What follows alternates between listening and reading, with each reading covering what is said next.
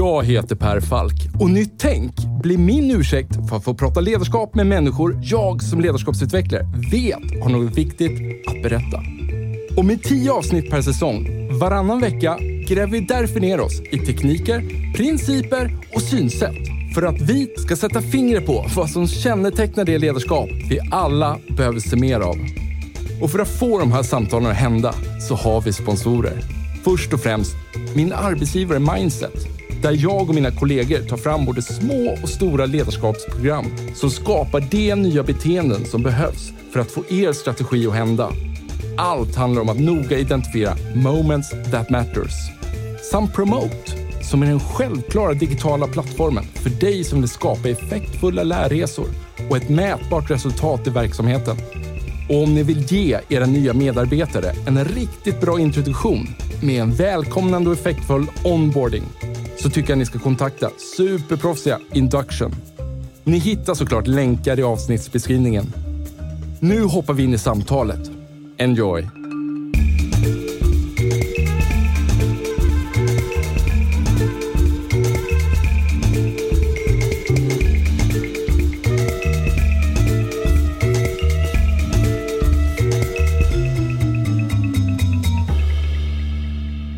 Här är kanske fem, sex år sedan. Jag var på en av dina föreläsningar och det här var innan du hade publicerat boken Effektfull. Det kommer jag ihåg, för det var meningen att vi skulle få den här boken där på plats. Och istället, men den var försenad på något sätt. Och den skulle skickas ut efteråt. Och eh, jag är där med en, en kollega för att lyssna på dig. Och mitt under din presentation så hänger sig din powerpoint. Mm. Och du är ju såklart superproffsig så att du låter ju inte det störa dig. Men man ser ändå att så här, du måste ju reda ut det här. Varför kommer jag inte vidare i min powerpoint-presentation? Och samtidigt som du också då underhåller publiken. Liksom. Och sen så säger du någonting i stil med att, så här, men ja hörni, jag vet inte riktigt vad, vad, vad som har hänt här. Eller någonting.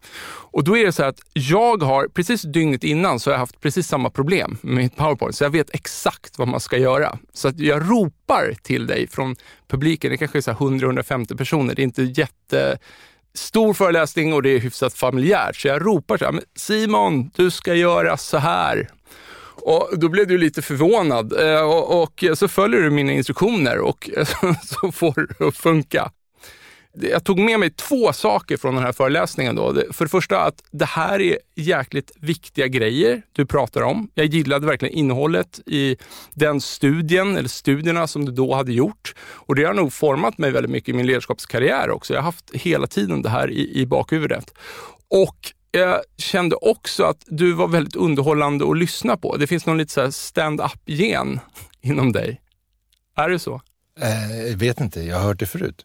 Du har hört det förut? Ja. ja att det är, en, det är, en, blandning av stand-up och eh, forskning och eh, um, ja, traditionell ledarskapsföreläsning. Så jag har förstått att det är, är någon blandning. Aha. Men jag, har, jag kommer ihåg dig och jag har letat efter dig sedan den här dagen för att få tacka dig personligen för att du eh, nej, nej, nej, nej, nej, save.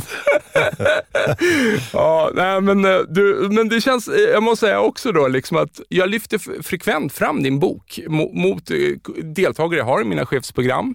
Och därför känns det lite extra fint att ha dig här i studion. Vad kul, tack. Ja. Och kan man beskriva dig lite som en modern tidsstudieman, tänker jag mig? Eh, ja, det är en av de beskrivningarna som finns. Mm. Ja. Om man inte vet någonting om dig innan mm. och det du pysslar med, hur skulle du snabbt presentera dig då? Det, det beror på vilken del av mig som, som träffas. Um, är det på förskolan som någon träffar mig så vill jag inte prata jobb alls. så. Nej. Är du den lite dämpade personen där som kommer och lämnar och tittar ner i marken? Där, eller? Jag har inte fått reda på så mycket, men jag ser inte glad ut i mitt naturliga ansiktsuttryck och jag söker mig inte till människor i min fritid. Så att jag, jag får ju enorma överdoser av människor och deras problem och, och tillkortakommanden och fördelar och framgångar i mitt jobb. Ja. Så jag är väldigt engagerad i mitt arbete, men privat så, ja, få personer, gärna hemma och väldigt enkelt. Så. Ja. Sen har jag ju lite andra sådana här sido... Eh, det är fel att säga ordet karriär, för det låter som att man lyckades, men jag har sidospår i mitt arbetsliv med andra mm. saker jag håller på med. Mm. Och jag, jag gillar att hålla isär dem. Så ja. de, jag håller på med, med musik tidigare och de som känner mig som, som musiker och sångare, de, ja. de vill inte prata annat om än just musik och sång. Och de som känner mig som byggnadsarbetare och murare och plattsättare, de vill jag ju fortsätta vara plattsättare för och ja. inte berätta att jag arbetar med ledarskapsforskning. Så att jag gillar att hålla isär saker. Jag vet inte varför, men det har blivit så. Men, men um, om, om man ska få någon bild av liksom mig som person så svårt att uttala mig om mig själv. Men, men um, kreativ är jag ju naturligtvis bevisligen då. Jag eh, tycker att jag har relativt stark eh, intuitiv förmåga. Jag tycker att jag har lätt för att se saker som, som man kan bygga och som man kan skapa och som man kan göra. Eh, och jag, jag gillar att jobba. Liksom. Jag tycker mm. om att jobba, men jag är minst lika bra på att vara ledig. Ah. Så ja, jag, vet inte, jag tycker jag är ganska vanlig eh, på många sätt. Och sen eh, så har jag väl gjort en relativt stor resa liksom, som kanske inte jättemånga personer har gjort. Och naturligtvis har jag gjort en mindre resa än många har gjort. Men, men just det här att ehm, ja, komma från mindre ort och, och sen bosätta sig i Stockholm, den har många provat.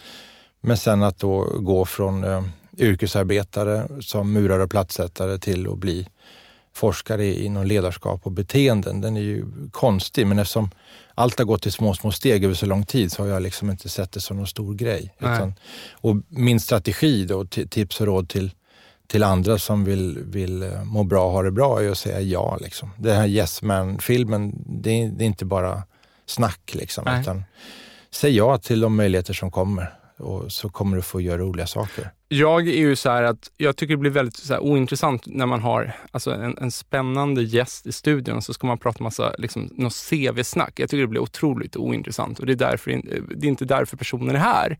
Men i ditt fall så ska jag göra lite liksom, undantag. För någonstans, den här resan som du pratade om, ja, den är ju inte särskilt vanlig. Nej. Och därför tycker jag att jag skulle bara vilja lägga lite tid på den här och bara, va, hur, hur blev det så? Ja. Du, du, pratar, du har pratat byggnadsarbetare, du har nämnt ordet eh, be, forskning inom beteendevetenskap, du har pratat om musik, mm. sångare. Mm. Om vi börjar med det här, liksom, vad, hur tog steget från byggnadsarbetare till forskare inom beteendevetenskap? Men eh, från början så visste jag ingenting.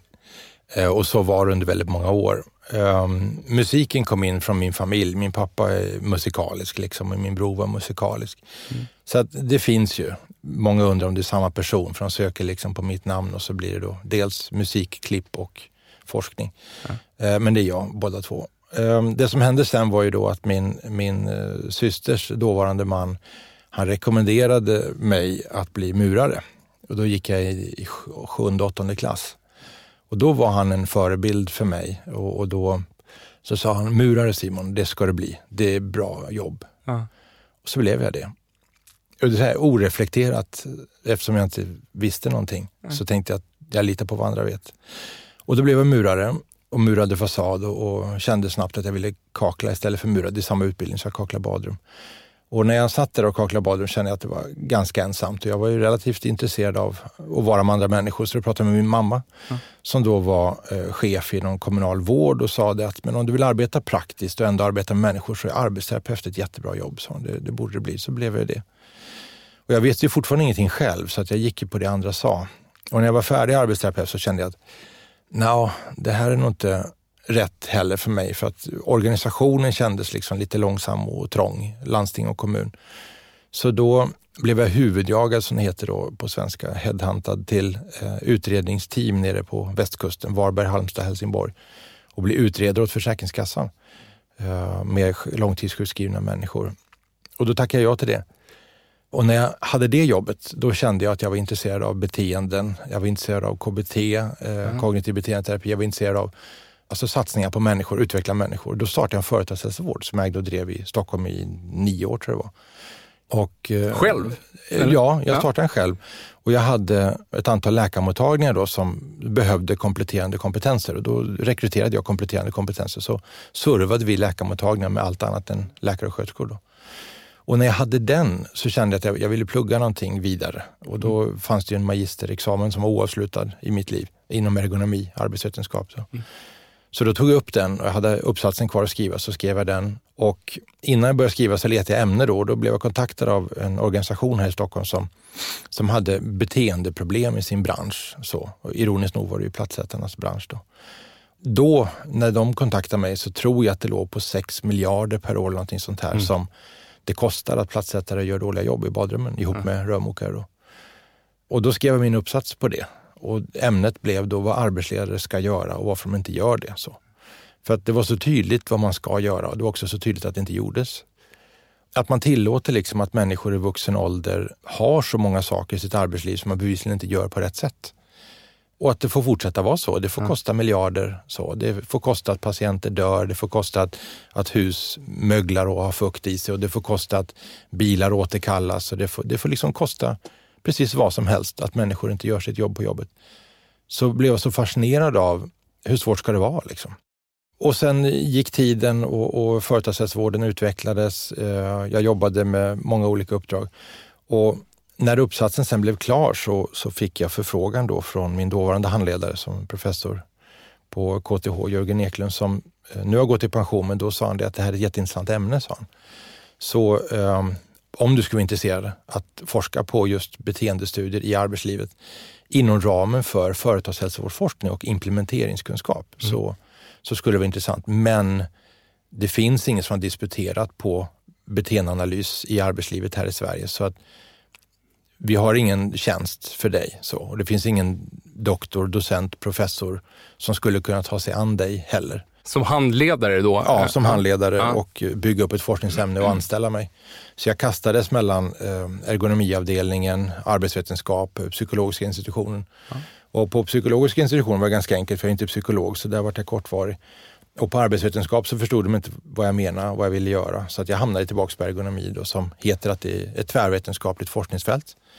Och tvärvetenskapligt är ett annat ord för slasktratt. Då. Alltså där hamnar allt som inte får platsa någon annanstans. Så där var jag då. Och eh, när jag eh, kom dit så sa de då att du måste då hitta din egen handledare, bygga ditt eget forskningsämne och lösa din egen finansiering. Eh, och de hade kanske hoppats att jag skulle säga nej, men jag sa ja. Och så på den vägen är det då. Och i slutändan då, hur hittar du handledare? Eh, genom psykologiska institutionen eh, Jonas Ramneröd där som var ansvarig för utbildningen, fortfarande är tror jag, som har skrivit en fantastiskt bra bok som heter Beteendets ABC. Han eh, tipsade om mig om den enda personen som faktiskt får handleda doktorander inom beteendeanalys då. Han heter Ned Carter. Han är eh, legitimerad psykolog och eh, docent i arbetsmiljömedicin tror jag och experimentell eh, psykologi eller någonting sånt. Ja. Vad är beteendeanalys? Bara för att vi Ja. För, för det känns som en rätt central del i det du gjorde sen. Ja, ja, det finns ju jättestora internationella nätverk som heter ABAI. Applied Behavior Analysis International tror jag det står för. Mm.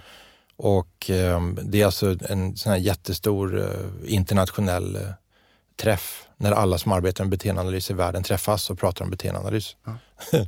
ja, jag förstår att det låter jättekul. Men, ehm, och den är indelad i olika spår. Och ett stort spår är ju då med eh, människor med olika typer av eh, mentala, kognitiva, psykiska funktionshinder. Ha. Inom autism eller liknande. Så undrar man då hur, hur ska vi skapa ett lärande och utveckla beteenden när det inte finns ett, ett språk och kanske en normal förståelse. Ett annat spår det är inom djur. Man tränar delfiner och pingviner. Ja, alltså hur, få, hur, ska jag få min guldfisk att spela basket exempelvis? Och det finns på Youtube, man kan söka Goldfish Basketball. Och då ser man då att man kan få guldfiskar att spela basket. Man kan få eh, får och höns att spela fotboll och man kan liksom få delfiner att göra volter i luften. Det går att få djur ja. att göra lattjo-saker. Men du måste behärska en, en metodik och ja. det är då beteendeträning. Och för djurlivet då så, eh, människan tycker ju sig själv stå högre än djuren. Så vi vill ju inte bli liknade med de här enkla beteendeprinciperna som man använder för djur. Nej. Jag har ju en hund som drar av mig strumporna som öppnar och stänger skåpsluckor och sådär. Ja. Det finns alltså metodik. Och grunden i den metodiken handlar om att förstå vad behöver jag göra för att få igång ett beteende och vad behöver jag göra direkt efter beteendet för att lära människan att göra mer av det här eller göra det på ett bättre sätt. Så. Och den grunden heter då beteendeanalys. Alltså vad är det som är före, vad är det som är beteendet och vad är det som kommer efter. Och det som är före kallas då för en antecedent mm. eh, på en grov svenska instruktion eh, i arbetslivet. Och beteendet är det människan gör till följd av det som skedde innan och konsekvens är det som sker efteråt och det är det som får beteendet att uppstå igen mer eller bättre. Eller avta naturligtvis. Så lägger man ihop de här A, B och C så har du grunden då för Ramnerös bok ABC-modellen. Ja. Det är så roligt att du säger det här, för att jag har ju tänkt då i den här podden att vi ska liksom försöka ha ett, ett crazy-avsnitt per säsong, där man liksom skjuter på ledarskap från en liten udda vinkel. Ja. Och du är inte crazy-avsnittet då kan jag säga. Ja. En komplimang. ja. och, och då så hade jag en idé, och det är så roligt att du tog upp det här med, med, med träning av djur, för jag började tänka så här, hur skulle det vara om man liksom tog den bästa tränaren från Kolmården, till exempel. Mm. För att prata om så här, hur får vi fram nya beteenden hos djur när vi tränar dem. Ja. Och, och, så har jag varit lite så här, eller skulle det då uppfattas som att ah, men det, här kan inte, det här är ju inte seriöst? Eh, men för mig är det liksom så här, jo men det här är ju grunden kring det beteendevetenskapliga. Ja. Men nu fick jag ju lite cred från dig till, i den idén. Ja, alltså idén är rätt eftersom att arbeta med beteenden finns på olika nivåer. Och den ena nivån det är ju liksom att ganska mekaniskt, metodiskt förstå hur saker funkar. Mm. Och den är väldigt eh, pragmatiskt lagd. Vad, vad hände innan och vad gjorde personen och vad ledde det till? Det är ju mm. otroligt grundläggande och det är exakt samma metodik oavsett vilken varelse du ska träna. Um, det som är svårt sen, som gör människan svår, det är många delar. Har man haft en hund så förstår man att en hund är otroligt mycket enklare att hantera en människa. Det är att människor bygger så många saker i sitt, sitt huvud. Mm. Så. Bygger bilder och, och, vi, vi anar oråd för saker och ting. Och vi, vi, har, eh, vi är rustade, så väldigt rustade för yttre hot och eh, eh, våld ska jag inte säga, men, men, men eh, yttre hot.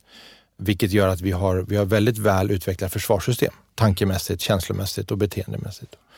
Och Det gör att det, det, blir lite knepigare att jobba med människor och en sak som man alltid måste göra när man jobbar med människor, det är att hela tiden intyga hur unika de är, hur speciella de är mm. och hur svårt det är att förstå. För det är någonting som vi verkar gå runt och bära på ett behov av. Att berätta först att jag är väldigt unik, att jag är väldigt speciell. Därför vill man inte bli jämförd med sköldpaddor, delfiner och hundar. Nej. Och sen ska man också säga att, att, naturligtvis så är det ju väldigt svårt att förstå just din sits. Och då, det kan man vinna på. Så jag tror att om du inleder programmet med det, att nu är människor väldigt speciella, väldigt unika och varje individ måste ju bemötas på sitt sätt, för människor är väldigt svåra att förstå. Men idag ska vi prata om hur man tränar sköldpaddor. Så tror jag att du kan vinna den. faktiskt. Framingen ja, blir jag, jag framingen, väldigt ja. viktig där. Mm, ja. Jag tror den blir... Mm.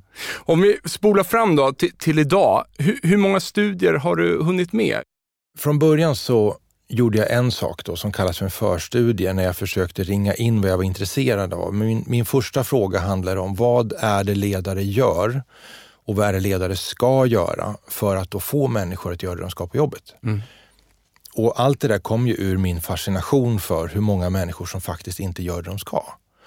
Och utan att ta reda på varför. Det är väldigt många människor på jobbet som inte gör det de ska. Um, och det här vill inte jag säga för att jag ska liksom bli tolkad som en negativ person som har en, en felaktig grundinställning till människor. Det är inte det, utan det är bara det att om jag ska få en plats här som forskare så vill jag ju fixa någonting och då blir det ju ett problemfokus. Och det betyder ju då att naturligtvis är det desto fler personer som gör det de ska på jobbet än de som inte gör det de ska. Men min fascination har alltid varit just de som inte gör det de ska. Ja. Och eftersom jag är så fascinerad av det och så intresserad av det så kan det ibland låta som att hela min grundfilosofi bygger på att människor inte gör det de ska. Och så är det inte, vill jag säga. Utan väldigt många gör det de ska på jobbet. Och i den fascinationen så blev den första studien för mig att jag ville titta på eh, ledares självinsikt och medvetenhet. Mm. Och det jag gjorde då var att jag hade ett antal videokameror, eh, drygt 60, och delade ut då till 63 stycken chefer mm. som fick filma sig själva och så innan vi då hade kodat och analyserat vad de faktiskt gör på filmen så frågade jag ledaren vad de upplever att de gör och så fick de då samma kategorier. Mm. De... Var det lite som eh, kameran här i studion nu då? Liksom en kamera på en tripod som var framför ledaren? Ja. Ja, på arbetsplatsen. Ja. I vilka situationer då? I situationer där de själva upplever att de leder. Ja. Så. Men mm. min kamera var mycket mindre än din. För du har en riktig kamera. Jag hade bara en sån liten pocketkamera. Så.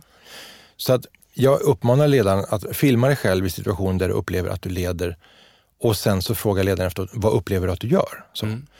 Och då fick de här ledarna gradera då procentuellt hur stor del av mötestiden som de ägnar åt sju stycken specifika beteenden. Mm. Och de var då att ställa frågor till medarbetarna för att uppmärksamma utfört arbete, att återkoppla och bekräfta det arbete som har gjorts, att eh, säga saker för, med avsikt att påverka ett kommande arbete, att prata om arbetet i R-form, arbetsrelaterat prat, socialt skapande. Då. Mm.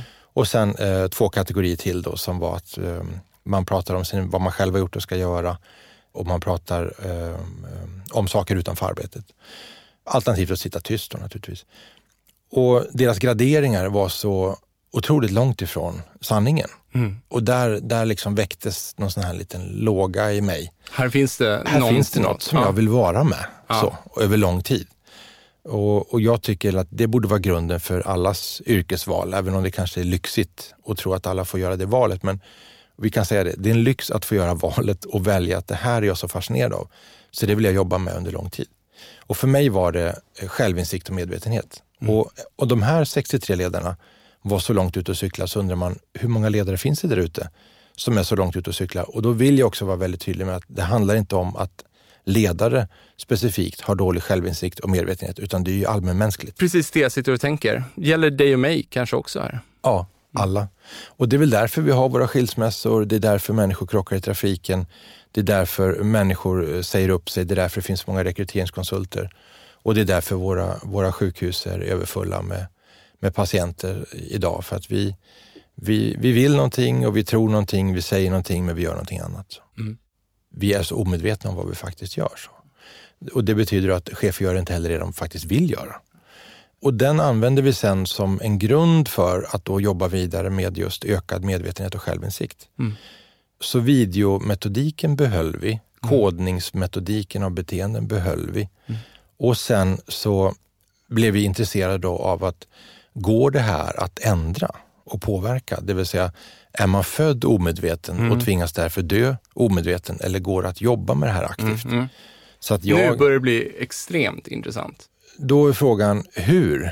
Hur ska vi jobba med det här? Och då, då lockades jag då av att använda video som ett verktyg för ledare att se sig själva men att också identifiera vad de faktiskt skulle vilja jobba på.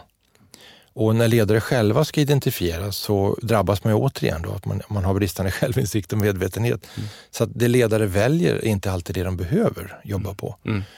Och använder man sig då av en sån här traditionell, det finns ju två traditionella sätt. Det ena är 360 analysenkäter. Mm. Jag får reda på vad jag tycker om mig själv, mm. vilket är grundat då på min dåliga självinsikt och medvetenhet. Så därför frågar jag andra människor som också har bristande självinsikt och medvetenhet vad de tycker om mig. Mm.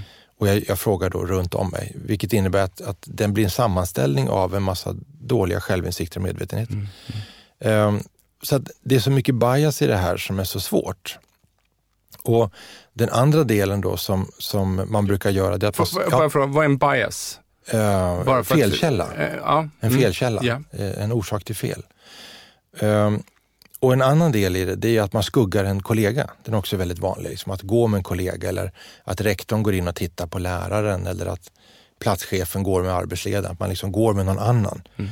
Men jag har alltid sagt det att den mänskliga faktorn, alla vet ju att det finns ett sånt begrepp. Mm. Vad är den mänskliga faktorn? Det är att vi är ganska dåliga på att bedöma saker. Och det här har ju använts både för vad heter Daniel Kahneman som skrev Tänka snabbt och långsamt. Mm, mm. Men också då inom eh, eh, det här brotts med kriminella. Eh, Vittnespsykologi, precis, ja. Exakt ja. Där man nästan, eh, så här, det finns en skola som börjar säga att man, man, kan, man kan bara ha teknisk bevisning i framtiden. Nästan. eh, Ja, Ja. jag vill ju någonstans, och, och det är så intressant det här för att när jag, när, jag, när jag lyfter fram det här och pratar om människors bristande självinsikt och medvetenhet så tänker alla i samma stund som de hör mig säga det, ja, det har verkligen andra problem med. Och det är det här som är så fantastiskt med människan, att vi, vi förstår verkligen hur stora problem alla har. Ja. Men vi är så fullkomligt oförmögna att förstå att vi också har dem. Och det fascinerar mig. Vad, och vad, vad beror, liksom så här, evolutionärt, it doesn't make sense på något sätt. Nu, nu blir jag lite filosofisk där. Så här. Ja. Varför är vi så jäkla dåliga på att bedöma oss själva? Och, och hur, Och andra. Och, och, andra. Och hur har vi trots det då Ja, jag, vet inte, jag ska inte säga att, vi, äh, säga att mänskligheten är framgångsrik, men någonstans har vi evolutionärt varit framgångsrika på den här planeten Ja, gentemot andra typer av, av djurarter. ja. Men, men det är därför vi har så svårt att ta det här till oss. Vi har ju svårt att ta det till oss därför att det är så pass mycket som funkar ändå. Ja. De flesta är ju ganska nöjda med sin partner och sin bostad och sitt arbete och sin bil och sin fritid och så. Ja. Så att man gör det bästa av situationen. Men jag kan ju ändå säga det att alla chefer och ledare jag har, har filmat har ju alla sagt unisont att de inte gör på det sätt de upplever att de gör. Och Det betyder att ledare har ju alltså en version av sitt ledarskap på insidan Mm. som de brukar, alltså som de tycker att de låter, som de tycker att de säger, som de tycker att de gör och som de tror att de uppfattas av andra. Så att de bär på en bild av sig själva och sitt ledarskap på insidan som inte delas av så många på utsidan. Och den, den är ju intressant. Och fortsatta studier på det här för mig, då, det blev ju att, att låta en stor mängd chefer och ledare titta på filmer med ledare som leder. Och så frågade de då vad de såg. Mm. Så dels fick de trycka på en knapp varje gång ledaren gjorde något som de upplevde var ledande. Så. När du ser ett arbetsledande beteende, liksom, tryck på knappen. Och det här var en rent slumpmässig ko- kontrollgrupp. Det var inte anställda till medverkande chefer? Eller? Nej, nej, utan Det, jag frågade 134 chefer i en och samma organisation att titta på tre filmer Mm. på en person som inte fanns i deras organisation. Mm, mm, mm. Du ska få se tre filmer, det är tre minuter vardera, det är eh, 60 beteenden i varje film. När du ser att ledaren på filmen gör något som du tycker är arbetsledande, tryck på knappen. Så. Och Det vi ser i de här studierna är ju då att, att eh, ehm, det är väldigt låg uppfattning, så, vad är ledarskap? Så att det är väldigt mycket chansningar. Så där. Vi, vi, kanske där, där kanske var någonting så. Men det vi ser mönster i då, att de återkommande trycker på flera personer eh, samtidigt, det är ju att det vi tycker är ledarskap är väldigt mycket när ledaren instruerar. När det skapas instruktioner så tycker vi att det är ledarskap. Mm. Men det som ledare tycker är det viktigaste beteendet i ledarskap är inte instruktion, utan det är när ledaren informerar. Men den film man tycker sämst om är den som ledaren informerar i. Och den man tycker bäst om är där ledaren arbetar med frågor och återkoppling. Så att någonstans så är det väldigt förvirrat kring det här och jag tycker att det saknas ett språk. Det saknas ett språk och det saknas en, en förståelse för liksom det här som du var inne på med djurträningen, de här grundläggande principerna. Vad är en instruktion och varför? Vad är en information och varför? Vad är en fråga? Vad är en återkoppling? Vad är egen prestation eller att berätta vad man själv har gjort? Så att det finns så mycket att upptäcka i det här fältet så att jag, jag har ju någonstans kommit till, till eh, en stor gräsyta där någon har bett mig börja gräva och jag börjar säga att jag kan ju gräva här i evigheter. Jag kan Du upptäcker liksom- nya saker Ja, hela tiden? Hela, hela, Ja. hela, hela tiden. Så jag kan liksom, om min dotter är intresserad av det här så kan ju hon få ärva det här och det kan ju gå generationer, känner jag, utan att vi kommer upptäcka allt som har, finns att upptäcka om människan. Hur många timmar film har du gått igenom so far? Jag, jag antar att det inte är du som sitter och kollar igenom varje film då, utan du kanske har några som hjälper dig med det? Ja, från början var det ju bara jag Mm. och min handledare Ned och han har hängt med hela tiden. Sen eh, några år in i arbetet, eh, från början var också den här psykologen med från början och hjälpte till. Och det var också en rolig tillfälle. Vi hyrde en lokal vid Hornstull och jag visade en videofilm på en ledare och bad min handledare och den här psykologen, båda är psykologer, att titta på den här filmen. Och jag frågade dem, berätta för mig vad ledaren gör och de fick fylla i ett, ett ark och de hade ju helt olika uppfattningar. Så att eh, det här, det finns så många människor som forskar på skillnader mellan människor. Och det enda jag kommer fram till oavsett vilken studie jag genomför är ju att, att det är bara likheter. Så att alla människor är lika på mycket. Så att vi har lika svårt att uppfatta vad som sker. Så även då om vi har samma kön eller olika kön, det spelar ingen roll. Du har fortfarande svårt att kategorisera det du ser. Mm. Oavsett om du är ung eller gammal, spelar ingen roll. Du har fortfarande svårt. Oavsett om du går i skola, vård eller statlig myndighet eller ideell sektor eller byggföretag, det spelar ingen roll. Du har fortfarande svårt. Så att mm. Ingenting av det jag kommer fram till går liksom att särskilja det här att vissa personer på grund av vissa egenskaper eller viss, mm. eh, viss eh, förutbestämda saker som personlighetstyp och, kön och, så vidare. Personlighetstyp, mm. Allt det här som man har i bakgrundsvariabler. Ingenting av det eh, syns i min forskning utan alla har lika svårt. Mm. Och det gör ju att vissa människor blir provocerade av min forskning för de kanske själva driver en forskning att det är så otroligt stor skillnad mellan manligt och kvinnligt. Det är så otroligt stor skillnad mellan ung och gammal och det är så otroliga skillnader mellan vård och bygg och, och, och eh, transport eller servicesektor. Mm. Och allt jag säger är ju liksom att i den, den forskning jag bedriver som handlar om vad människor faktiskt mm. gör och deras medvetenhet om det och vilka effekter det har. Mm. Där är vi alla jättelika dåliga. Bara en avstickare. Jag tänker mig att du, har ju inte liksom den här typiska forskningsbakgrunden. Va, vilken är den? Ja, ja exakt. Va, vad är det? Men, men jag, jag, ser inte dig som liksom den här typiska akademikern. Och Nej. du säger själv att du liksom kommer in från en liten annan vinkel. Ja på det här. Det är liksom nästan mer eller mindre låter som att du hamnade där av en, en slump och, ja. och någon så här, intern drivkraft att det här verkar ju intressant. Det här ja. vill jag kolla mer på. Ja. Men, men kan, kan du känna att, att du kan bli ifrågasatt av andra forskare? Ja, ja. Ja. Oh ja, jättemycket. Men, Varje dag. Men, men, kan det handla om att, att du inte är, vad säger man, konf, konform? Att, att du inte är stöpt i samma låda som ja. de andra? Alltså nidbilden av forskare är ju att det är människor som undviker verkligheten. Att du alltså går en utbildning på en skola och direkt efter den skolan så går du in i nästa skola. Mm. Och efter den skolan går du in i nästa skola. Mm. Sen ska du då sitta på ett universitet eller en högskola och forska på en verklighet som du själv aldrig har varit i. Mm. Det är nidbilden som man har av forskare, att de, de sitter med teorier och försöker utveckla de teorierna till nya teorier. Och de teorier som de utgår ifrån, de är byggda på tidigare teorier som bygger på tidigare teorier. Så att allt inom akademin handlar bara om teori för att man har svårt att få till det i praktiken. Mm. Men långt ifrån alla forskare är sådana. Väldigt många forskare är ute i verkligheten och tittar på, och framförallt inom ergonomi, man tittar på belastningsskador och så. Mm. Men om man tittar på en, en, en, traditionell forskares användning av arbetstid så är de ju inne på sitt kontor och i mötesrum internt i enormt mycket större utsträckning än vad de är ute på andra människors arbetsplatser och gör undersökningar och studier. Mm. Så även i en väldigt stor eh, studie som då bygger på att man ska kartlägga en, en faktisk situation på en faktisk arbetsplats så är forskaren i projektet och doktoranden i projektet ute på de här arbetsplatserna i betydligt mindre utsträckning än vad de är inne på högskola och universitet. Mm. Och där skiljer jag mig jättemycket naturligtvis och det är, väl, det är väl där jag får min kritik. Att jag, jag är ju aldrig inne, utan jag är alltid ute. Så att på en vanlig traditionell vecka, och så har det varit de sista sju åren, så varje minut av veckan så är jag ju ute på eh, våra svenska arbetsplatser och jobbar tillsammans med chefer, ledare och ledningsgrupper ja. med de här frågorna. Och vad ser då kritikerna att det medför för nackdel då? Um, ja, det finns ju två nackdelar. En som jag vill prata om, en som jag inte vill prata om, men kommer prata om ändå. Men nackdelen är ju att jag inte blir klar med mitt avhandlingsarbete. Den är uppenbar. Men den är ju väldigt mycket kopplad till att jag behöver ju jag behöver börja bedriva min forskning på arbetstid. Ja. För i dagsläget så gör jag den på fritiden. Ja, ja. Och då blir det för lite tid lagd på den.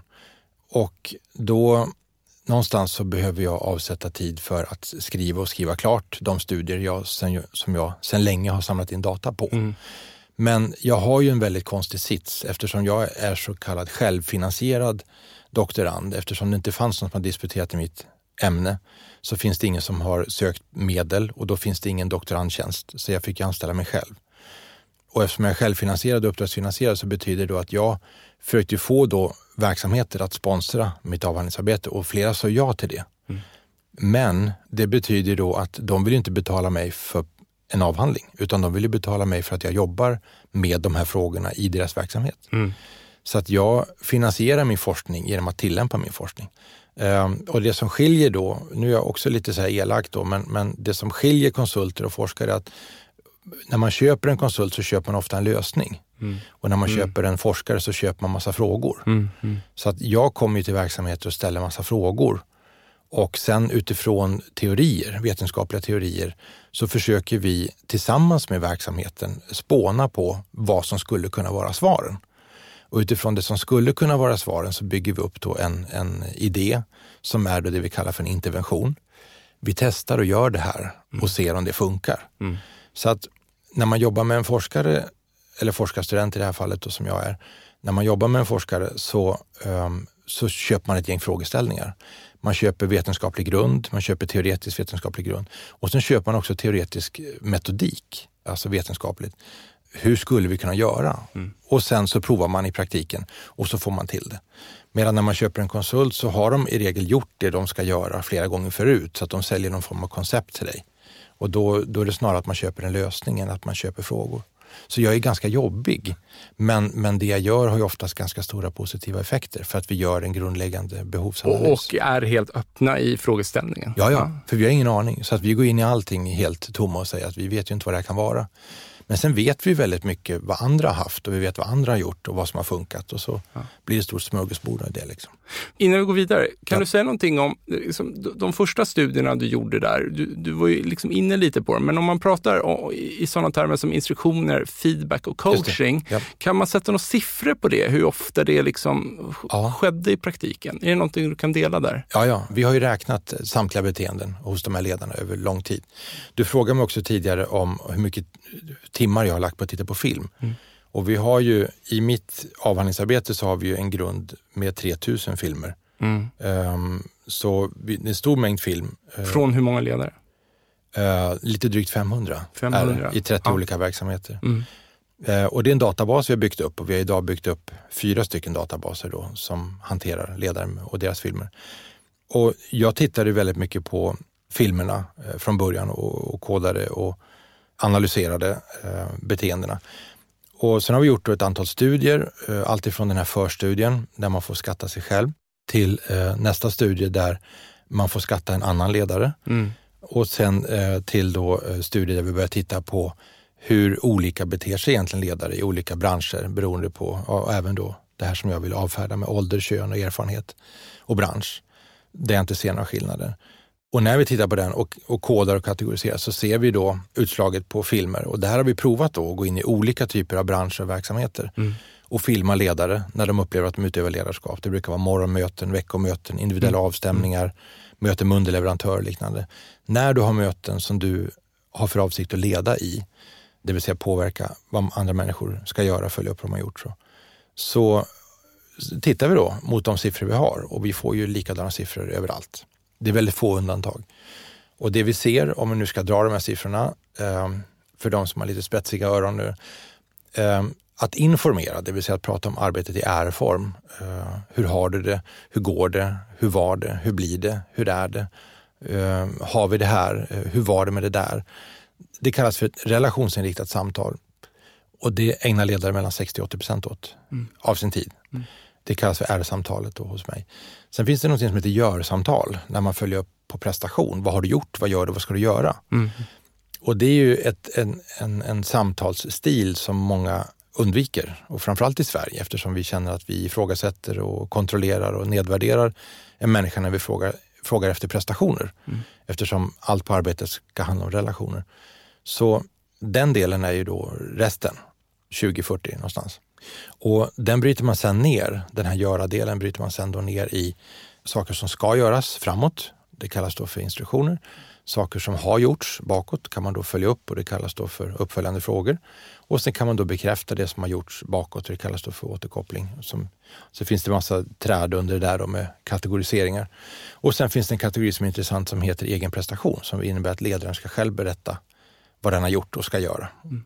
Och de här är då olika riktade i tid, det vill säga vissa är framåtsyftande utifrån vad som ska göras och hur det ska bli. Och vissa är bakåtsyftande utifrån vad som har gjorts och hur det har varit. Och tittar man på de här koderna så ser man att ledare ägnar dem mellan 5 och 10 procent av tiden åt att berätta vad de själva gjort och ska göra. Och ledare är alldeles för dåliga på att berätta om vad de har gjort och ska göra. Så många medarbetare går runt med en känsla och en upplevelse och funderingar kring, undrar vad chefer och ledare egentligen gör på jobbet. Egen prestation är viktig, att lyfta fram vad jag gör som ledare och chef och gärna vad jag gör för andra. Sen finns det då de här tre beteendena som eh, är de som vi ska fastna vid om vi ska fastna någonstans. Och det är tydligheten i det arbete som ska göras. Mm. Det kallas för instruktion. Då. Och sen är det då uppmärksamheten för det arbete som görs, uppföljning. Och den tredje är återkoppling och bekräftelse, så att vi vill göra mer och bättre framåt. Så mm. de tre.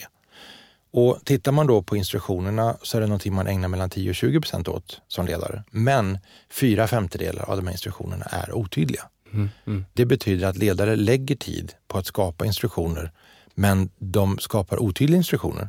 Eftersom vi är så relationsinriktade och inte prestationsinriktade så leder det då till en mängd fel, många miljarder i byggbranschen. Mm. Det leder mm. till eh, missförstånd och det leder till konflikter och att man inte är nöjd med sin chef och ledare för att den är så otydlig. Men ledare och chefer vill inte vara tydliga heller för att då tror man att man ifrågasätter och kontrollerar och nedvärderar. Så här är en sak att jobba med. Det andra då, det är ju då frågor för uppföljning eller titta på uppföljning, utvärdering av arbete, utfört arbete. Och den lägger ledare och chefer 0 till 2 procent på. Och det här har då fått, började med inget kapitel, sen blev det ett kapitel, nu är det tre kapitel i de stora ledarskapsböckerna som handlar om monitorering. Att synliggöra och följa upp det arbete som görs. Mm. Så det växer och det anses nu vara det viktigaste ledarskapsbeteendet. Mm. Att systematiskt följa upp och uppmärksamma det arbete som görs. Det här gör ledare 0 2 procent av tiden. Genom att ge feedback Nej, och återkoppling? det är nästa steg. Det är nästa steg, ja. Okay. Först ska du ta reda på vad någon har gjort. Jag förstår. Ja. ja. Så det som jag pratar om nu, det handlar bara om att du måste ta reda på vad dina medarbetare har gjort. Och det är inte förrän du vet vad de har gjort som du kan ge återkoppling och feedback. Då. Och jag gillar inte att säga återkoppling och feedback. För att återkoppling är svenska och feedback är engelska. Så det är konstigt för mig. Svenskarna har ju gjort feedback till ett svenskt ord utan att reflektera kring vad det skiljer sig mot det svenska återkoppling. Så många säger återkoppling och feedback, men det är samma sak på två olika språk. Ehm, så först måste man ta reda på vad medarbetarna har gjort och sen kan man då ge en återkoppling. Och det här första steget, att först ta reda på det, mm. det gör man genom att titta och fråga.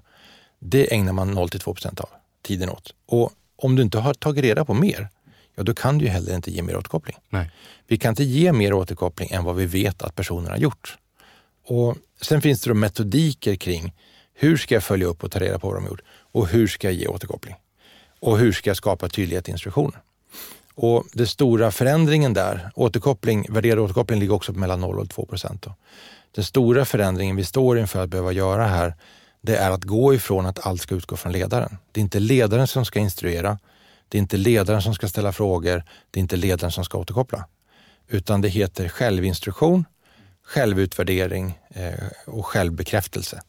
Så att jag jobbar idag med att bygga system som handlar om att dela ut ansvaret på arbetet mellan alla som jobbar. Så att alla måste bidra till att skapa tydligheten. Och då kan man inte säga att vi har en sån otydlig ledare, utan det måste också vara ditt ansvar som medarbetare att se till då att instruktionen blir tydlig. För en ledare kan inte veta, om man står framför 30 medarbetare, så kan du omöjligen veta på vilka 30 olika sätt de här människorna behöver få instruktionen till sig mm. så att den blir tydlig för alla. Mm. Du nämnde ju här eh, liksom att, att vissa ledarskapsbeteenden är mer effektiva än andra. Hur vet vi det? Jag vill ju använda begreppet effektfulla, ja. inte effektiva. Mm. Och det är för att jag har gjort en grej av det där med effektiv och efficient på engelskan. Um, så så fort man pratar om effektivitet så blir väldigt mycket grundlitteraturen det här med effektivitet och produktivitet som skulle byggas upp under första halvan av 1900-talet när det handlar om att göra många saker på kort tid. Så många människor har de associationerna. De associerar effektivitet till mängd arbete som görs under en viss tid. Mm. Och när man kommer hem efter en dag när man har fått mycket gjort så säger man shit vad jag har varit effektiv idag. För att jag har fått mycket gjort. Och Det som saknas i det här, det är ju kvaliteten av det som gjordes, det vill säga hur väl eller hur mm. bra gick det. Så den, den vill jag ha dit. Och Det det finns då en uppsjö med studier på, det är att det är de här tre beteendena som ledare behöver ägna sig åt. Människor saknar tydlighet i mål och roll och mm. arbetsuppgift. Människor saknar uppmärksamhet för det jobb som görs och människor saknar bekräftelse för det man har uppmärksammat. Mm. Så att de här tre har, det finns ju då en uppsjö studier kring eh, att de saknas. Och vill man då gräva i de studierna kring tydlighet så är min rekommendation det som kallas för goal setting theory. Locke och Latham är författarna huvudsakligen. Det handlar om hur formulerar vi mål som motiverar människor? Och mål utifrån den här beteendeanalysen på djuren vi pratade om förut, det var då det här A, det vill säga det som får oss att starta. Om vi har ett tydligt mål och vi har ett sammanhang och vi har en mening, så går människor då. När de börjar gå, då vill de att det ska ge någonting. Någon borde bry sig eller uppmärksamma det jobb vi gör. Och då kommer då det här med monitorering in och den är jätteny. Det finns inte alls gamla grejer på den, utan det är ganska nytt att det får kapitel i både Jukel och Bass stora ledarskapsböcker, världens mest citerade litteratur, så står det där i dem att monitorering är liksom ett, ett jättebra verktyg för ledare. Bry dig om medarbetarna, uppmärksamma dem eh, och, och, se deras prestationer och se dem som personer. Så den finns det mycket stöd för. Och sen återkoppling är ju naturligtvis ett jättefält och då säger man att återkoppling har störst effekt. Det vill säga, för att ta någonting som jag verkligen inte tycker om, någon form av idrottsmetafor. Men om du inte vet hur det gick mm. när du ansträngde dig sist, så kommer ansträngningen avta. Om, om vi, vi gör en ansträngning, fysiskt eller mentalt, och så vet vi inte vad som hände eller vad det ledde till när vi ansträngde oss, då är vi mindre benägna att vilja anstränga oss igen. Då. Så återkoppling är det som har störst effekt på fortsatt ökad prestation. Men uppmärksamheten är ju förutsättningen för återkopplingen. Så om jag inte vet vad du gjorde, det vill säga om jag inte liksom har en analysmetod, ett samtalsmetodik, liksom, man inte har en metod för att systematiskt följa upp, uppmärksamma och ta reda på vad var det du gjorde? Hur gjorde du? Hur såg det ut när du gjorde det? Vilka förutsättningar? Jobbar du själv eller med andra? Hur var belysningen? Hur var temperaturen? Hur var, hur var greppet? Hur såg produkten ut? Hur betedde sig patienten eller eleven? Alltså att, att ställa detaljerade, intresserade frågor om hur var det och vad gjorde du? Så. Det är den som ger grunden för att sen kunna säga om det här var bra eller dåligt. Och det är det också som verkar då enligt dina studier helt falla mellan stolarna? 0 till 4 procent ja. är den sammantagna mängden tid som ledare lägger på att följa upp, uppmärksamma, återkoppla och mm. bekräfta. Mm. Så att de två viktigaste beteendena, det viktigaste och det som har störst effekt, det ägnar man mindre än 5 procent av sin tid åt. Ja. ja. Då frågar jag så här, vad kommer coaching in i det här? Hur benämner du coaching? Coaching är återigen ett engelskt ord som man har tagit till Sverige och gjort till svenskt. Men, men coaching handlar ju eh, för de allra flesta, skulle jag tro, eh, om att leda genom frågor. Mm. Istället för att servera lösningar. Alltså när människor informerar och instruerar andra så skapas det ett motstånd. Vi gillar inte att få höra vad andra vill att vi ska tänka och göra. Så att, att säga saker åt folk skapar motstånd initialt och det, det sänker självständigheten, det har låg eller ingen påverkan. Och då är det ganska självklart, vad är det jag ska göra då? Jag ska ju då ställa frågor. För ställer jag frågor, då får jag den jag ställer frågor till att själv tänka, att själv formulera och själv planera. Och de har också en känsla av att de själva har skapat det de säger. Och det vi själva får tänka ut och planera och skapa, det känner vi ett stört, större ägande i. Det känns viktigare för oss och vi är mer benägna att följa de idéer vi själva kommer på än det som andra kommer på åt oss. Då. Så det coachande ledarskapet det har ju då vunnit väldigt mycket mark med all rätt. Mm. För det skapar ju mer delaktighet, det skapar dialog och det skapar att eh, medarbetaren känner sig som medskapare i instruktioner och, och, frågor. Det är ju mycket av det du har nämnt där som kommer med köpet av en med ett coachande förhållningssätt. Ja, ja. men eh, det är det här igen då med forskarna som sitter inne på universiteten och, och ledarna som är ute i den praktiska vardagen varje dag. När forskaren då säger det, ställ frågor, så saknas det alltid en ingrediens och den ingrediensen som alltid saknas i nästan all forskning kring arbetslivet, det är det som kallas för instruktionsvärde. och det är två forskare som, som eh, har, har liksom myntat begreppet, eller gjort en sak av eh, begreppet, då, Lisper och Lind, som pratar då om eh, instruktionsvärde. Instruktionsvärde innehåller en tydlighet om hur.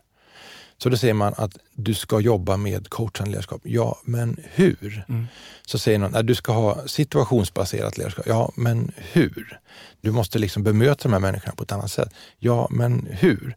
Och ingen forskare som jag har hittat eller jobbat med eller träffat jobbar med huret, utan de jobbar med att och bör och ska. Så. Ehm, Format och mallar. Ja, men lite så. Och så kommer du då till den här ledarens praktiska vardag och de sitter framför framför en specifik person eh, och, och de ska då ställa frågor. Och då, då sitter jag där med de här ledarna och de säger att jag tycker det är svårt att ställa rätt frågor. Jag tycker det är svårt att, att hitta rätt ord. Jag tycker det är svårt att liksom både ha kontroll på mitt ansiktsuttryck och mitt tonfall och frågan. Och är du så lite osäker som ledare och du, har du, nu har du gått en kurs att du har lärt att du ska ställa frågor, men du fick inte med dig ett hur. Och ett hur som kanske funkar för en av dina medarbetare funkar inte för en annan och tvärtom. Så att du kommer till den här lite mera svåra verkligheten när olika människor reagerar på olika sätt i olika situationer. Då så, så säger man då att de här kanske behöver träna. Det vill säga att du kanske behöver vid flera olika tillfällen få ställa frågor till medarbetare. Och då är det så himla viktigt att medarbetarna inte reagerar onödigt starkt negativt på att ledaren tränar. Mm. Eh, och det är det som händer, att när du, när du liksom går en kurs eller att du får vara med i någon studie eller du, du har någon konsult på plats, sen ska du ut och träna. Så när du väl tränar sen, efter kursen eller efter att konsulten har gått hem, så är du själv. Och den där känslan av att vara själv och dessutom då inte riktigt få till sina frågor och få en ganska dålig känsla och sen få höra efteråt att medarbetaren tog illa vid sig av någonting som blev fel. Det gör ju då att, att ledare inte vågar träna på arbetet. Och jag vill, jag, jag vill ju vara precis i det gränssnittet. Mm. Jag vill vara det jag kallar för en, en, en tillfällig förstärkare. Jag vill vara en, en förstärkare på plats som återkopplar både till medarbetare och till ledare om bådas prestationer mm. i mötet och dialogen mm. mellan dem. Och jag vill vara där så länge att det börjar kännas bra för båda parter. Mm. mm. Och det är där jag tycker är det här kritiska gränssnittet Verkligen. när ledarskap möter medarbetarskap ute i den praktiska vardagen över lång tid. Ja. Det är där det går fel. Liksom. Och då går ledare runt med en klump i magen för att jag försökte det du sa på utbildningen men det gick inte så bra. Jag försökte. Och sen ser man då att utbildningseffekterna faller över tid. Och det är för att utbildningen var ju bara ett A. Utbildningen var ju vara en start. Mm. Sen kommer beteendet av ledaren ute på plats i verksamheten och medarbetarna och då är frågan vilken förstärkning fanns på plats? Mm. Och då är svaret nästan alltid, det fanns ingen. Jag satt med mina egna demoner ja. och medarbetare med sina och så vart det inget bra. Så nu faller hela utbildningseffekten här. Du nämnde tidigare att, och det är ju det du är inne på här, att du har hjälpt ledare att förändra sina beteenden. Ja. Ja. Kan man då, för du har väl då fortsatt att filma dem? Ja. Ja. Och vad kan man se då? När de här beteendena börjar komma på plats? Jag brukar ofta säga att, att förändring sker ett steg i taget och med det viktigaste steget först. Och det är samma grund som man använder i Anonyma Alkoholisters rörelse. Ett steg i taget och det viktigaste först. Eh, många ledare när de ser sig själva på film vill, vill ändra för många saker eh, samtidigt. Och det är bättre att ändra en sak i taget och sen tar man nästa. Och beroende då på vilken av mina analysmetoder jag använt då, det ena är då tidsstudier, man tittar på en hel veckas tidsanvändning och det andra är beteendeanalys när man tittar på fokuserat en, en dialog i ett chefsforum. Då. Mm. Eh, så det är två olika typer av analyser på olika nivåer. Och tittar man då på de förändringar man vill ska ske utifrån när jag observerar beteenden då brukar jag säga, välj ett av dina ledarskapsbeteenden som du vill ändra på. Alltså börja antingen arbeta med återkopplingen eller börja arbeta mm. med tydligheten eller börja arbeta med upp. Alltså, välj ett av mm. dem. Välj inte alla på en gång, välj ett av dem. Och så ser vi bara nästa vecka om du klarar att göra lite mer av dem eller om det är fortfarande lika lågt som innan. Om förändringen har skett så kanske det eh, räcker för att, att fortsätta att skapa en förändring. Men i många fall så har inte förändringen skett därför att de trodde att de skulle men de gjorde inte. Och då måste vi prata om vad behöver vi göra runt dig för att du ska klara av att göra mer av de beteenden du vill göra mer av.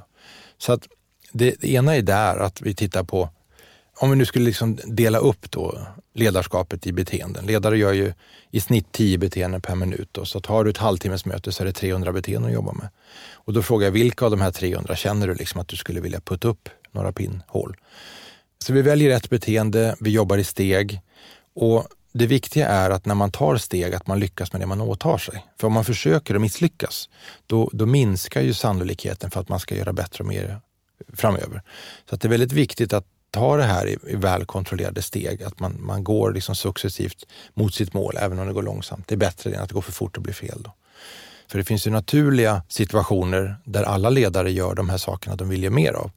Och då är det någonting som saknas i den här situationen som är orsaken till att de inte gör det de vill. Mm. Som skulle kunna vara? Um, för många ledare så har det handlat om um, en lapp i handen. Mm. Jag har förberett mig och jag visste exakt vad jag skulle säga och det lät så bra och det skulle bli så bra. Men det känns så pinsamt att stå med en lapp i handen och stå och läsa innan. Och då frågar jag ledaren efteråt så här, vad skulle du säga nu i efterhand är mest pinsamt? Att du har stått med en lapp i handen och sagt exakt hur du ville eller att du inte hade en lapp i handen och glömde bort allt du förberett. Vad är mest pinsamt? så? Och då kommer de fram till, nej men då har jag nog en lapp i handen. Ja, men vi börjar där. Det kan vara att ha ett anteckningsblock under veckan som han har med sig och skriver upp saker i, som man sen kan ha till underlag för möten och individuella avstämningar. Det kan handla om en tavla som skapar en struktur för mötet som säkerställer att man pratar om rätt saker på rätt sätt i rätt ordning. Det kan vara att man anpassar en agenda, en mötesagenda där man säkerställer att man pratar om rätt saker på rätt sätt. Men det kan också vara ganska konstiga, udda, individuella förberedelser som att innan så behöver jag sitta i fem minuter och bara djupfokusera med en viss låt. Ja. Individuella ritualer just ritualer, för, den, för ja. den personen. Ja. Liksom. Ja. Så att vi vill ju veta vad är det vi behöver ändra på i den här situationen mm. för att du ska göra i större utsträckning det du vill mm. och det du ska. Det här visar ju också hur svårt det är om man är inne här och jobbar på den nivån. Att vi måste hitta exakt rätt förhållanden för att de här ledarskapsbeteendena ska komma fram hos dig. Yep. Det visar ju någonstans hur, svårt det är att, att, att, sprida nya ledarskapsbeteenden i en organisation. Jag skulle säga att om vi fortsätter på det här sättet så är det nästan till omöjligt. Och det vittnar många högre chefer och ledare om. Alltså hur svårt ska det vara att lansera ett nytt program? Hur svårt ska det vara att ändra en kultur? Vad mm. är det för någonting då? Och hur svårt ska det vara? Så att högre chefer de brottas ju med de här sakerna. Vi måste snabbt nu ändra riktning på den här skutan. Mm. Och ingen kan ju säga att vad lätt det var. Utan alla säger att det är mycket svårare, tar mycket längre tid än vad vi tror. Och det är inte det, orsaken är inte att det är svårt. Utan orsaken är ju att, att jobba med de här frågorna kräver så mycket av så många personer. Det kräver kartläggning av situationerna. Det kräver en, en, relation mellan den som handleder och den som blir handledd. Det kräver en självinsikt och medvetenhet hos den som ska göra förändringen. Det krävs en förståelse för reaktioner av den som blir utsatt för förändringen. Det krävs, alltså det krävs mm. otroligt mycket saker. Mm. Och Det finns de som säger att vi kan inte genomföra en organisationsförändring här för vår verksamhet är så komplex. Och då tycker jag att det är fel att använda ordet på det sättet, för inga verksamheter är komplexa utan de kan vara organiserade på ett sätt så att man har gjort det rörigt eller svårt. Så. Och man kan ha eh, sampåverkan från massor av olika faktorer samtidigt som gör att det blir svårt. Men att säga att det är komplext, det säger till hjärnan att det här går troligtvis inte att göra någonting mm. åt. Och det tycker jag är fel. Det blir en liten trösttanke kanske? Det är det det blir. Alltså, det är en snuttefilt. En snuttefilt ja. varför jag inte måste förändra ja. mig eller varför det inte går att förändra sig. Precis eller. så. En ledare som du hjälper, en organisation som du hjälper, om man lyckas få fram de här nya beteendena, ja. hur kopplar du den sen till effektfull? Det vill säga att, att man är framgångsrik. Alltså, ja, nu ser vi beteendet här på filmen eller du ser det för att du var med där på plats. Mm kan ni koppla det här på något sätt till att verksamheten också blir mer effektfull eller den här ledaren blir mer effektfull i sin roll? Och, ja. och hur gör du eller ni det? Um, det här med effektfull då, um, som någon form av motsatsord till effektiv. Uh, det vill säga att den effektiva ledaren, den gör många saker på kort tid. Men det som händer då, det är att det blir fler och fler personer som har svårt att förstå och är du då ledare och chef och du är väldigt effektivt lagd, det vill säga du vill ha korta möten, du vill ha korta genomgångar för att du ska hinna med så många aktiviteter under en dag. Då säger jag det att vi kan, vi kan som ledningsgrupp besluta att morgonmötet ska vara sju minuter, att det ska hållas kort. Men det är mycket bättre att besluta att morgonmötet ska vara bra. Och då måste vi istället definiera vad är då bra? Mm. Och en del i att, att göra någonting bra, det brukar ju vara att de som är där har förstått. Då finns det ledare som pratar utifrån att de vill ha saker sagt. Eh, de förbereder sig själva. De går ut till mötet vid podiet eller vid bordet. De säger det de vill ha sagt och sen tycker de att de är klara.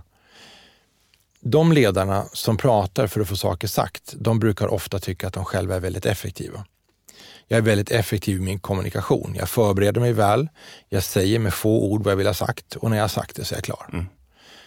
Sen finns det de ledare som, som förstår någonstans att oavsett vad jag säger och vad jag vill ha sagt så måste jag nog bry mig om vilka det är jag talar till. Och om jag vill veta vilka jag talar till och hur de tänker och de förstår, då måste jag ju sluta då att informera och instruera och börja istället ställa frågor. Och när man börjar ställa frågor, då börjar man förstå hur andra funkar. Och när man förstår hur andra funkar, då börjar man också förstå vad de behöver för att förstå. Ehm, och om man då börjar prata som ledare, inte utifrån vad jag vill ha sagt, inte utifrån vilka jag talar till, utan utifrån hur jag vill att det ska förstås av andra, då blir ju ledarskapet mycket jobbigare och svårare.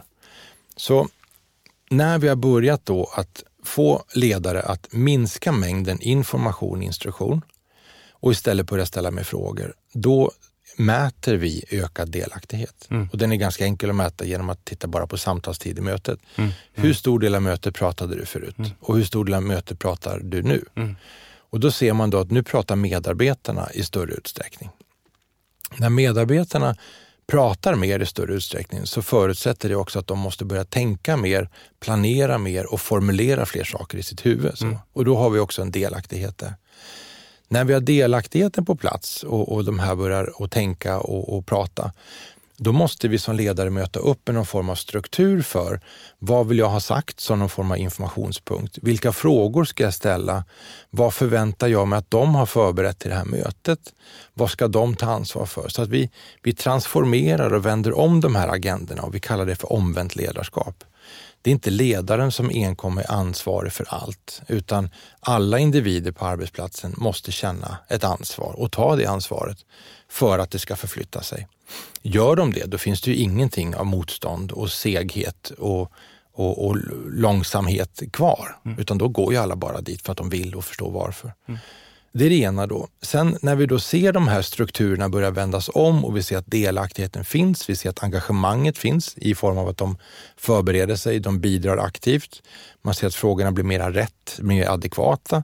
Vi pratar om rätt saker på rätt sätt i rätt ordning. Då är det intressant att gå in med olika former av analyser och titta då på, pratar vi är-form eller gör-form? Pratar vi gjort bakåt så att man får uppmärksamhet och återkoppling?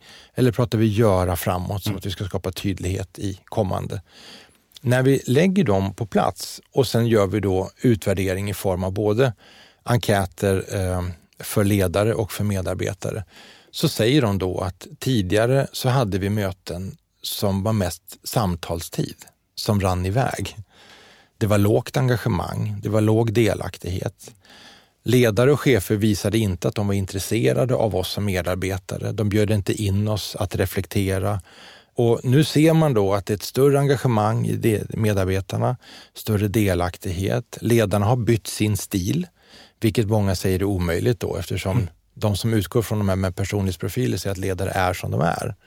Och jag säger det att oavsett vem du är så kan du göra på ett annat sätt. Mm. Och byter man sitt sätt att göra saker på, då säger medarbetarna att du är så förändrad. Och det här var en insikt jag fick nere i en, kommunal hemtjänst när en, en ledare bytte stil. Det vill säga att jag gjorde så här förut. Nu vill jag göra på det här sättet istället. Och då kom, hon var så rädd för mig från början, för hon trodde att jag skulle ändra hennes personlighet. Och då sa hon så här, jag vill vara den jag är, sa hon. Och jag sa, du får vara den du är. Jag kommer inte ändra på dig som person. Utan jag är bara här för att titta på det du gör och se om du kan göra det på ett annat sätt. När hon börjar göra det på ett annat sätt så kommer medarbetare in och säger, det är så roligt, sa hon, du är verkligen så annorlunda. Så någonstans så blandar vi människor ihop personlighet och beteenden. Vi tror att vi gör för den vi är och mm. vi tror att vi är utifrån det vi gör. Mm. Och det här är två olika saker. Du får vara precis den du är. Mm. Men på arbetet måste vi ständigt reflektera kring och ifrågasätta och utveckla det vi gör. Och det här är väl det här inre motståndet som många människor känner att jag vill inte gå in i ett ledarskapsprogram, jag vill inte gå in i ett coachingprogram, jag vill inte bidra till den här organisationsförändringen eller utvecklingen därför att jag är nöjd med den som jag är. Mm. Och då behöver man få hjälpen att förstå att den du är, är den du är och det du gör är det du gör. Och all form av utveckling och förändring handlar om att förändra våra ageranden, men du ska fortsätta vara den du är. Och man skulle kunna tänka sig, om vi, om vi tar då liksom beteenden som är synonymt med coachning, då, då, då, skulle man kunna tänka sig att man börjar använda sig mer av den typen av beteenden. Men lite beroende på vem man är så gör man det på lite olika sätt. Ja. Och att det blir en förutsättning för att huvudtaget bör fortsätta göra det här ja. på sikt. Ja. Du, om vi ska stänga till det här nu då och, och bara avsluta det här mega... Så här, jag har mycket material att, att, klippa här Simon, jag kommer inte kunna ha med allt. Men om, om vi har nu en, en, eh, en ledare som sitter och lyssnar på det här och vill förändra och bli sina ledarskapsbeteenden och bli mer effektfull i dem. Skulle du kunna tratta ner det här i någonting? Liksom? Vart, vart, vart börjar man och, och vilka ledarskapsbeteenden ska jag satsa på? Försök att fokusera på vilka forum har jag under en vecka när jag utövar ledarskap. Titta sen utifrån de forumen. Vad gör du i de här forumen? Filma dig väldigt gärna. Filma dig och titta. Hur mycket är framåtriktat i samtalet? Hur mycket är bakåtriktat? Framåtriktat är det som skapar tydlighet. Bakåtriktat är det som skapar uppföljning, uppmärksamhet, återkoppling och bekräftelse. Titta hur tydlig du är i dina instruktioner. Titta hur bra frågor du ställer om utfört arbete. Titta hur du ger värderad återkoppling. Skulle du bli motiverad av att ha dig själv som ledare och chef? Sen när du har kommit till den, titta då på är-samtalet. Pratar vi är-form eller gör-form? Och titta framförallt specifikt på de här tre beteendena. Mina instruktioner, mina frågor för att visa uppmärksamhet och intresse för utfört arbete och min återkoppling och bekräftelse. Får jag människor att utvecklas och att vilja göra mer och bättre ifrån sig framåt? Det tror jag är eh, en bra tratt. Klockrent. Och om man vill veta mer om, om sånt här och vill ha kontakt med dig, ja. Vad, hur, hur, får man tag på dig på lättast sätt? Um, ja, jag är lite känd för mitt telefonsvararmeddelande. Jag säger ju det att jag inte svarar i telefon och heller inte lyssnar av meddelanden. Så att jag uppmanar ju alla att mejla. Men, men man kan mejla till mig på elvnäs.kth.se. Um, ehm, annars, uh, allt som har med mig att göra går ju ofta via mitt förlag där också boken finns då på volante.se. Ja. Och vi lägger ju självklart in uh, en länk i poddbeskrivningen till Effektfull med undertiteln Detaljerade studier och ledarskap. Så ökar du effekten av din tid. Ja. Stort tack för att du avsatte tid för mig och den här podden Simon. Tack själv. Kul att vara här. Hörni, tack till våra sponsorer Mindset Promote samt Induction för att ni tror på den här produktionen. Ta hand om er.